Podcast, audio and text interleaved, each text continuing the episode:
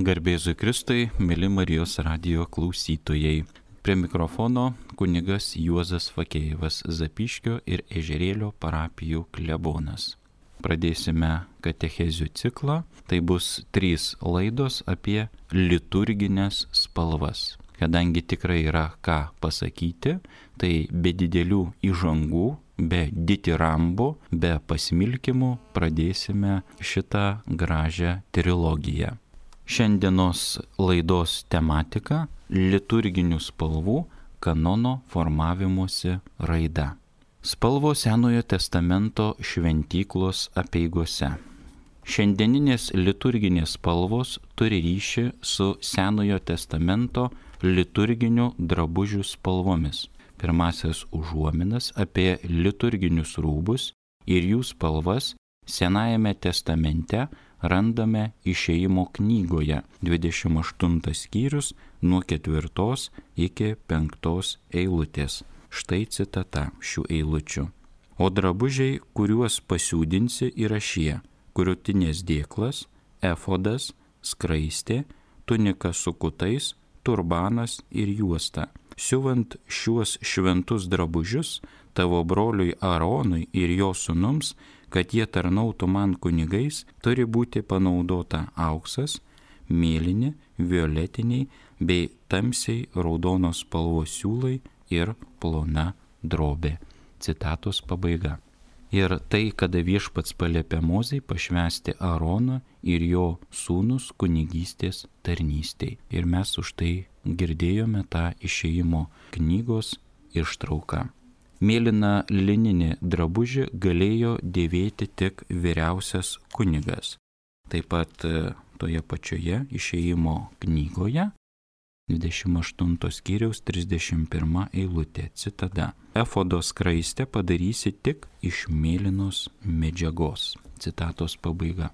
Auksinėmis gyjomis taip pat buvo puošiami vyriausiojo kunigo drabužiai tas yra minima išėjimo knygos 39 skyrius, 3 eilutė. Išploja auksą į lakštus, sukarpė į siūlus ir meniškus raštus, jais išsiuvinėjo drauge su mėlyniais, violetiniais bei tamsiai raudonos spalvos siūlais plonoje suktinių siūlų drobėje. Citatos pabaiga. Iš to galima susidaryti vaizdą, kad kunigų drabužiams buvo naudojamos brangiausios medžiagos ir tuo metu vertingiausios spalvos.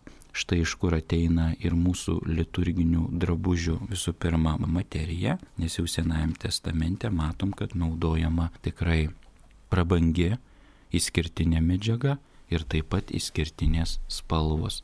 Čia yra mūsų liturginių spalvų ištakos kad buvo vartojamos keleto spalvų medžiagos, randama pradžios knygoje, kur yra užsimenama apie margas ir taškuotas avis bei oškas. Pradžios knygos 30 skyrius 32 eilutė. Apeik šiandien visą savo kaimenę, atskirk iš jos visas taškuotas bei margas avis, visus tamsios spalvos eriukus ir margas bei taškuotas oškas. Citatos pabaiga. Iš to matyti, kad Vilnos galėjo būti įvairių natūralių spalvų, o jas dažnai buvo galima išgauti e, visokiausių atspalvių. Senajame testamente pagrindinės drabužiams vartotos medžiagos buvo lino drobė, avių bei oškų vilnos ir gyvulių kailiai. Medžiagos pirmiausia būdavo nedažytos. Linas yra natūraliai pilkas, atitinkamai baltas, jeigu jis išbalinamas. Vilna yra pilkai rudų tonų. Izraeliečiai, kaip ir kitos tautos, išmoko iš įvairių augalų ir mineralų pasigaminti dažus ir jais dažyti medžiagas bei siūlus. Tačiau Senajame testamente Izraelio gyventojai labai mėgo puošti savo drabužius ryškių spalvų kutais, apsiuvais ir juostomis. Biblijoje dažniausiai minimos spalvos - mėlyna, skaičiai raudona ir purpurinė. Tačiau ne visas spalvas galėjo išgauti izraeliečiai. Purpurinės spalvos drabužius izraelitams tekdavo įsivežti iš svetur. Senajame testamente kiekviena viešpaties mozei nurodyta spalva turi tam tikrą simbolizmą. Senajame testamente yra išskiriamos keturios pagrindinės spalvos - balta, ryškiai raudona ir dviejų rūšių purpurinė spalva. Kunigai ir levitai aukojimo metu vilkėjo baltas tunikas, tik vyriausias kunigas vilkėjo melsvą tuniką. Panašus drabužis, kurį nešioja dabar kunigai, tai baltos albos ir taip pat kai kuriuose bažnyčiose taip pat baltas albas nuo kaklo iki kojų pėdų, kulniukų nešioja patarnautojai. Atsižvelgiant į klimato sąlygas Senajame testamente, Dažniausiai per įvairias šventes buvo vartojama balta spalva, kuri simbolizuoja tyrumą bei įkapes. Be to, Senajame testamente balta spalva simbolizuoja dievišką tyrumą, dorybingumą, kaip rašoma 51 psalmiai 9 eilutėje. Štai jie. Apvalyk mane įzopo ir būsiu švarus, nuplauk mane ir būsiu baltesnis už sniegą. Citatos pabaiga. Šitą giesmę mes gėdama per apšlakstimą mišių įžangoje sekmadieniais ir iškilmingomis progomis. Ši spalva taip pat laikoma ir Dievo spalva. Tuo pabrėžiama, kad Dievas išvedė savo tautą, nepaliko jos vienos, bet lydėjo visą kelionę. Mėlyna spalva simbolizuoja žmogaus išaukštinimą. Tuo paryškinamas Izraelio tautos išaukštinimas, išrinkimas iš visų kitų tautų tarpo. Štai kodėl pas hebrajus yra ir dominuoja mėlyna spalva liturgijoje ir jų tradicijoje. Geltona arba auksinė spalva, kuri gausiai buvo vartojama Izraelyje, simbolizuoja Dievo šviesą ir Dievo malonę. Tuo pabrėžiama, kad kunigas atstovauja patį Dievą ir per kunigą Dievas teikia savo tautai malonės. Purpuriniai drabužiai buvo karališko orumo ir turtingumo ženklas. Raudona spalva - Dievo galios ir didybės, pasaulio valdovo spalva. Tuo pabrėžiama, kad Dievas yra visagalis ir vienintelis viso žemės valdovas, kuriam paklūsta visas pasaulis. Štai taip e, trumpai peržvelgėme Senajame testamente vyraujančias spalvas, kurios buvo aktualios šventykloje, apieigose ir netgi žydų tradicijoje bei kultūroje. Dabar pereiname prie kito laikotarpio - antikos pasaulio įtaka liturginėms spalvoms. Antikinis pasaulis davė impulsą atsirasti spalvoms. Graikų pažinimas buvo įvairių vaistų gamybos, kurios dėka buvo išrastos Vilnos, stiklo ir emalinio dažymo spalvos, o taip pat tapimo ir kosmetikos spalvos.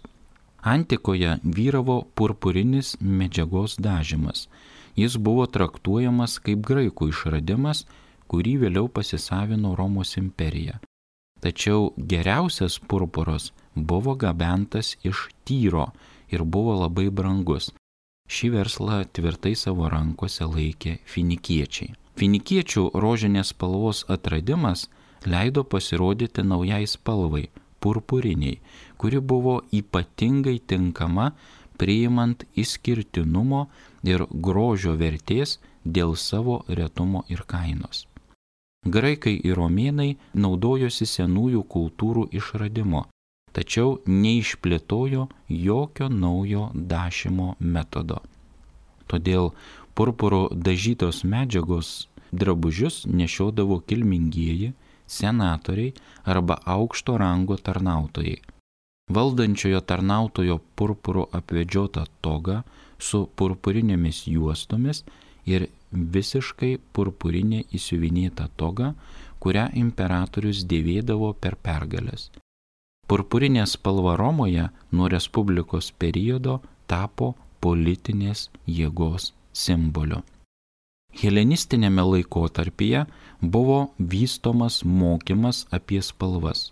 Demokritas, graikų filosofas, išskiria keturias pagrindinės spalvas - baltą, juodą, raudoną ir žalią. Titas Lukrecijus Karas, vienas didžiausių romėnų poetų, šį spalvų sąrašą išplėtė. Nuo Platono, graikų filosofo, prasideda šešių spalvų skirimas, kuris didelės įtakos turėjo viduramžiams. Antikos graikų romėnų kasdienybėje ir mene viešpatavo ryškios ir grynos spalvos. Liūdėsiui išreikšti galėjo būti naudojami tiek juodi, tiek balti drabužiai. Spalva buvo išreiškiama dienos nuotaika, kuri buvo kaip ženklas žmogiškumo ir dieviškumo savybės naudojimas. Tai simbolizuoja nuo helenizmo ir iki viso romėnų laiko auksinė ir raudona arba purpurinė orumą ir dieviškumą taip pat mirtina herojiškumo pojūtį.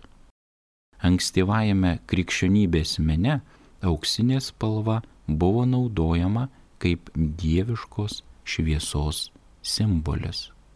Taigi matome, kokią įtaką darė vėliau jau po Senojo testamento laikų antikos pasaulis.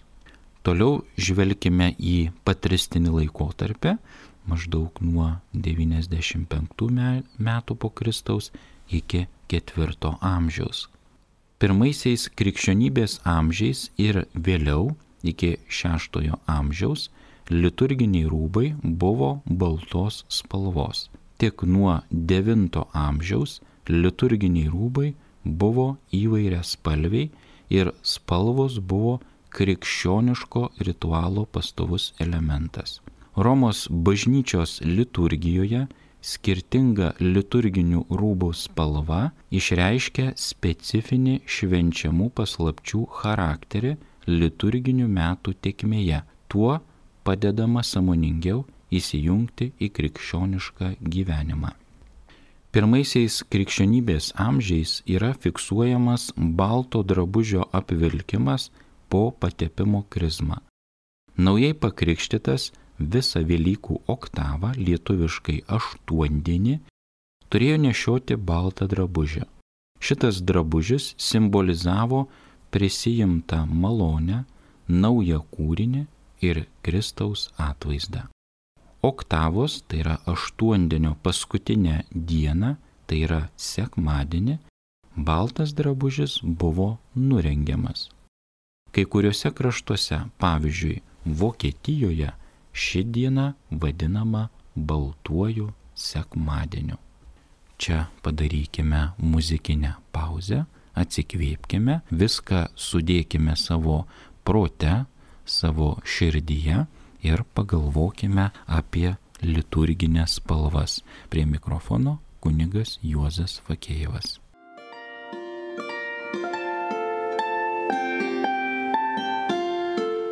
Jūs girdite Marijos radiją.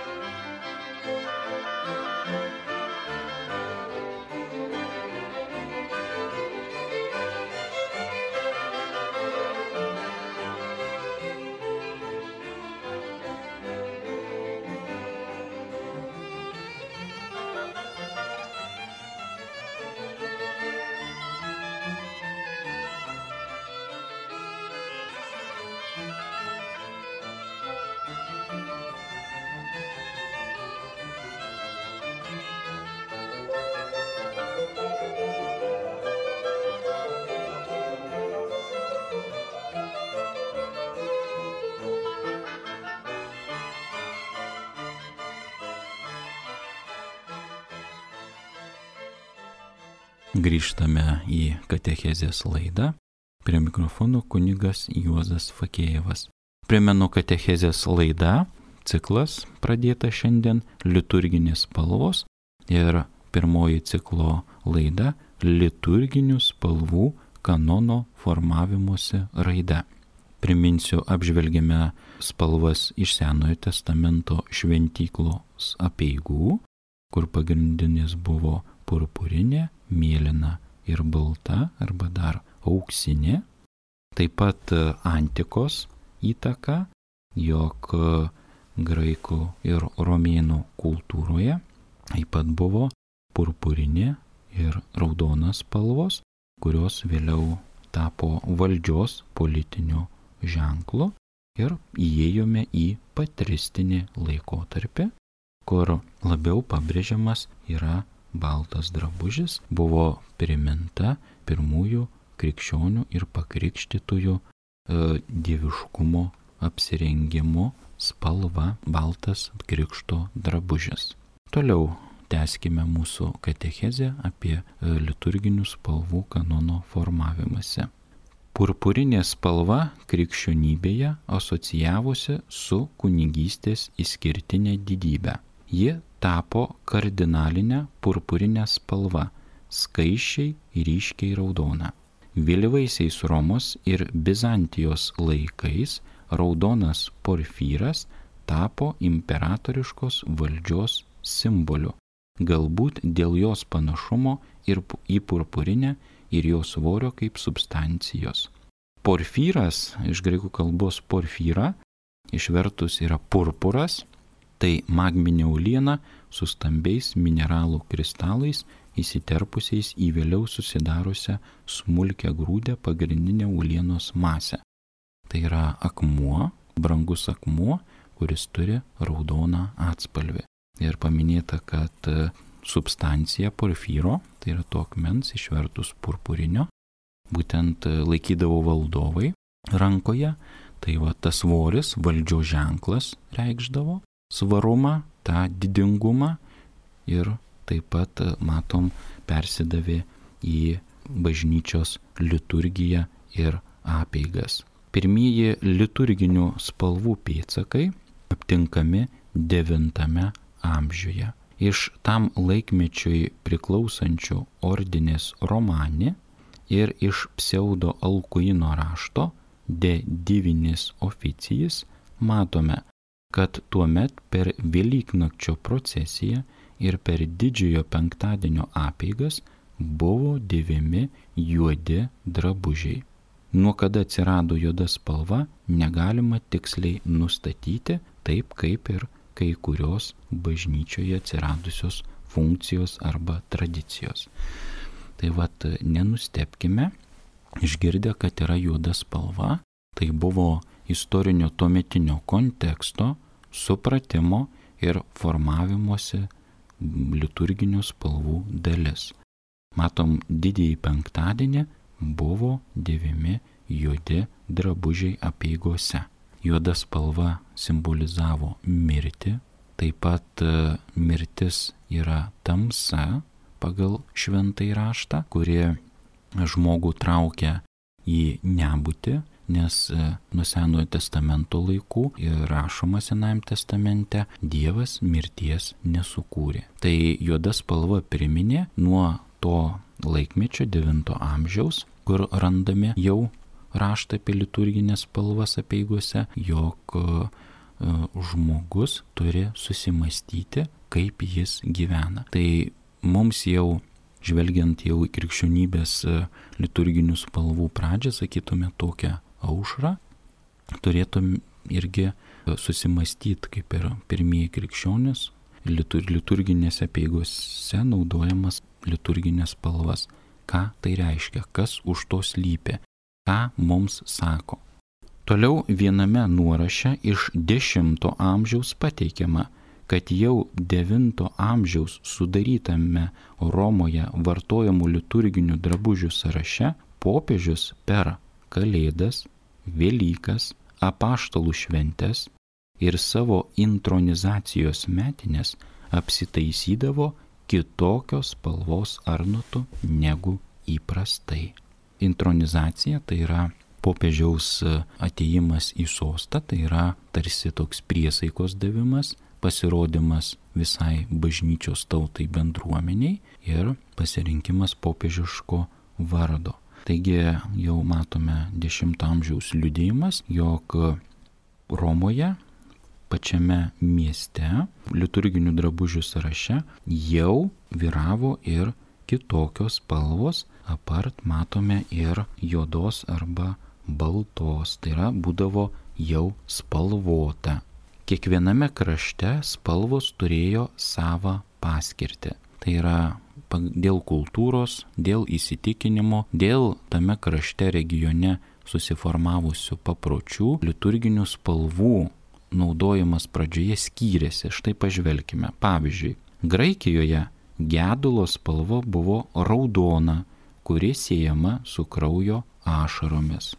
Tai yra čia įmamas e, biblinis kontekstas, kur Kristus, prisimename, prieš savo kančią, mirtį ant kryžiaus, jisai prakaitavo kraujo lašais.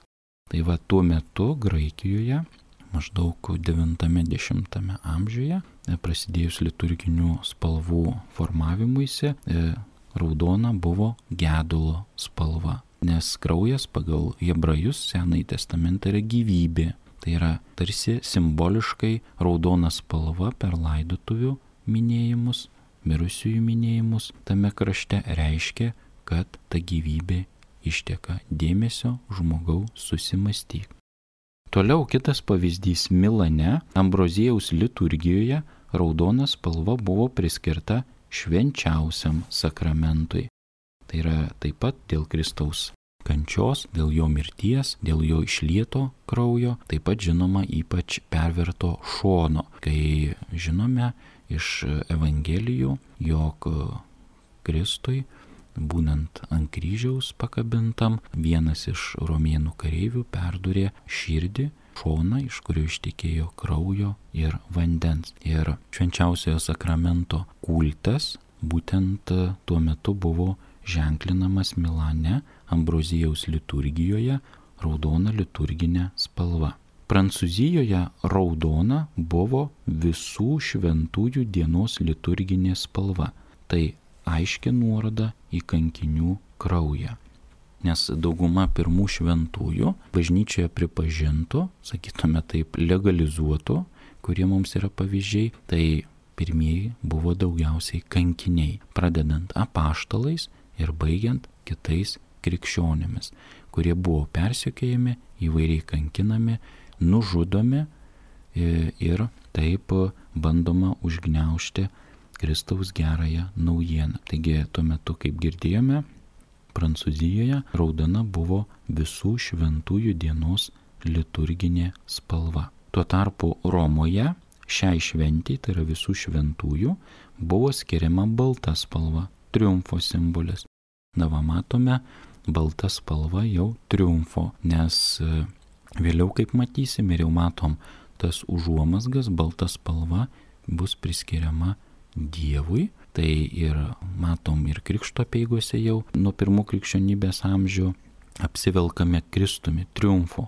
Tačiau yra primenama, tarsi po tuo baltų drabužiu, ta simbolika, jog, e, kai sako Kristus Evangelijoje, mane persekiojo ir jūs persekios, manęs nekenčia ir jūsų nekes. Taigi primenama po šio džiaugsmo sustiprinti Dievu savo sieloje, savo gyvenime turime ir pakentėti. Taigi tuo metu Romoje ši šventė, visų šventųjų šventė buvo skiriama balta spalva, girdėjome triumfo. Taip pat, e, kai mes e, dalyvaujame e, liturginėse peigose, visada atkreipkime dėmesį, kokią spalvą apsirengęs yra kunigas, nes kunigas rodo liturginę spalvą, liturginę nuotaiką. Tai šitą matome, bet visada bandykime suprasti, visada bandykime suvokti. Taip pat prie liturginės spalvos, kurie apsirengęs dažniausiai būna kunigas, dar kartais būna ir papuošiami patarnautojai, tai vadinamais tokiais škapleriais, kur per galvą užsimaunama iš priekio ant nugaros ta liturginė spalva arba kažkokias kitas ženklas ant patarnautojo drabužio liturginio, tokio kaip kunigo, tos dienos liturginė spalva, tai visada sukuria nuotaiką. Nuotaiką ir duoda, vadinasi, toms apieigoms e, kažkokią liniją. Tai visada stebėkime ir bandykime suprasti, ką reiškia. Visada taip pat pagal liturginę spalvą, e, ypač mišiuose, Taip pat e, sakramentuose, sakramentalijos yra parenkami švento rašto skaitiniai. Ir jie visada tapatinasi, siejasi, ar ne? Tai irgi į šitą turime atkreipti dėmesį ir dalyvauti samoningai. Taip pat labai būna įdomu stebėti ir galbūt žmonės nepagalvoja ar nesamoningai būna kokia liturginė galbūt didesnė šventė pavyzdžiui, ar sėkminės, ar taip pat gavėnios advento metą žmonės kartais patys apsirengia kažkokią savo drabužio detalę arba kartais drabužį tokį. Tai kartais pagalvojau, galbūt žmogus e, supranta, galbūt pasiskaitė, galbūt ir pats taip nusiteikia, nes mes savo pasaulietiniuose įvykiuose ir gyvenimo tarpsniuose taip pat naudojame spalvas ir mes jas paveldime, bet turime žinoti, kodėl, kokia viso to prasme, nes tai sukuria nuotaiką. Ir taip pat turime atitinkamai elgtis, nes bažnyčioje šitas suprantame daugumą, nors būna jau dabar visokio, net ir tikinčiųjų arba šiaip užklystančių visokių turistų į bažnyčią, ypač mišių metu, kitų liturginio peigų metu, kurie nesupranta sukūriamos atmosferos, tai kad bažnyčioje žinom, kad apėgos, va ir kaip minėjau, liturginės spalvos sukuria nuotaiką, duoda kryptį, mus nuteikia. Tai ir mes naudodami pasaulietiniuose dalykuose irgi tam tikras spalvas turime nusiteikti ir žinoti, suprasti, nes e, būna kartais keista, žmonės ir per gedulą užsideda tamsius drabužius, bet e, nežino arba elgesi netitinkamai, sakytume, neadekvačiai, bet e, tai turi nuteikti. Nes ir liturginėse peigose, mišiuose, sakramentų šventime, kaip minėjau, sakramentalijo, tai yra vidinis dvasinis nusiteikimas, duoda kažkokią atspirties tašką. Kaip minėjom vėliau kitose katechezės laidose, vėliau artėsime konkrečiai į pirmosius e, krikščionybės amžius, į jau bažnyčios e, popiežių sudarytą vadinamą liturginių spalvų kanoną, tai yra taisyklės, kur kas ir kaip turi būti naudojama, tai mes irgi turime nusiteikti ir bandyti išvelgti per tai. Nes, kaip sakoma, liturgiją turime išgyventi visais penkiais pojūčiais. Tai rega, klausa, lytėjimo, taip pat skoniu ir taip pat kvapu. Visą tai turime išgyventi. Ir spalvos, va būtent yra vienos iš penkių jūslių mums duodama išgyventi, tai rega.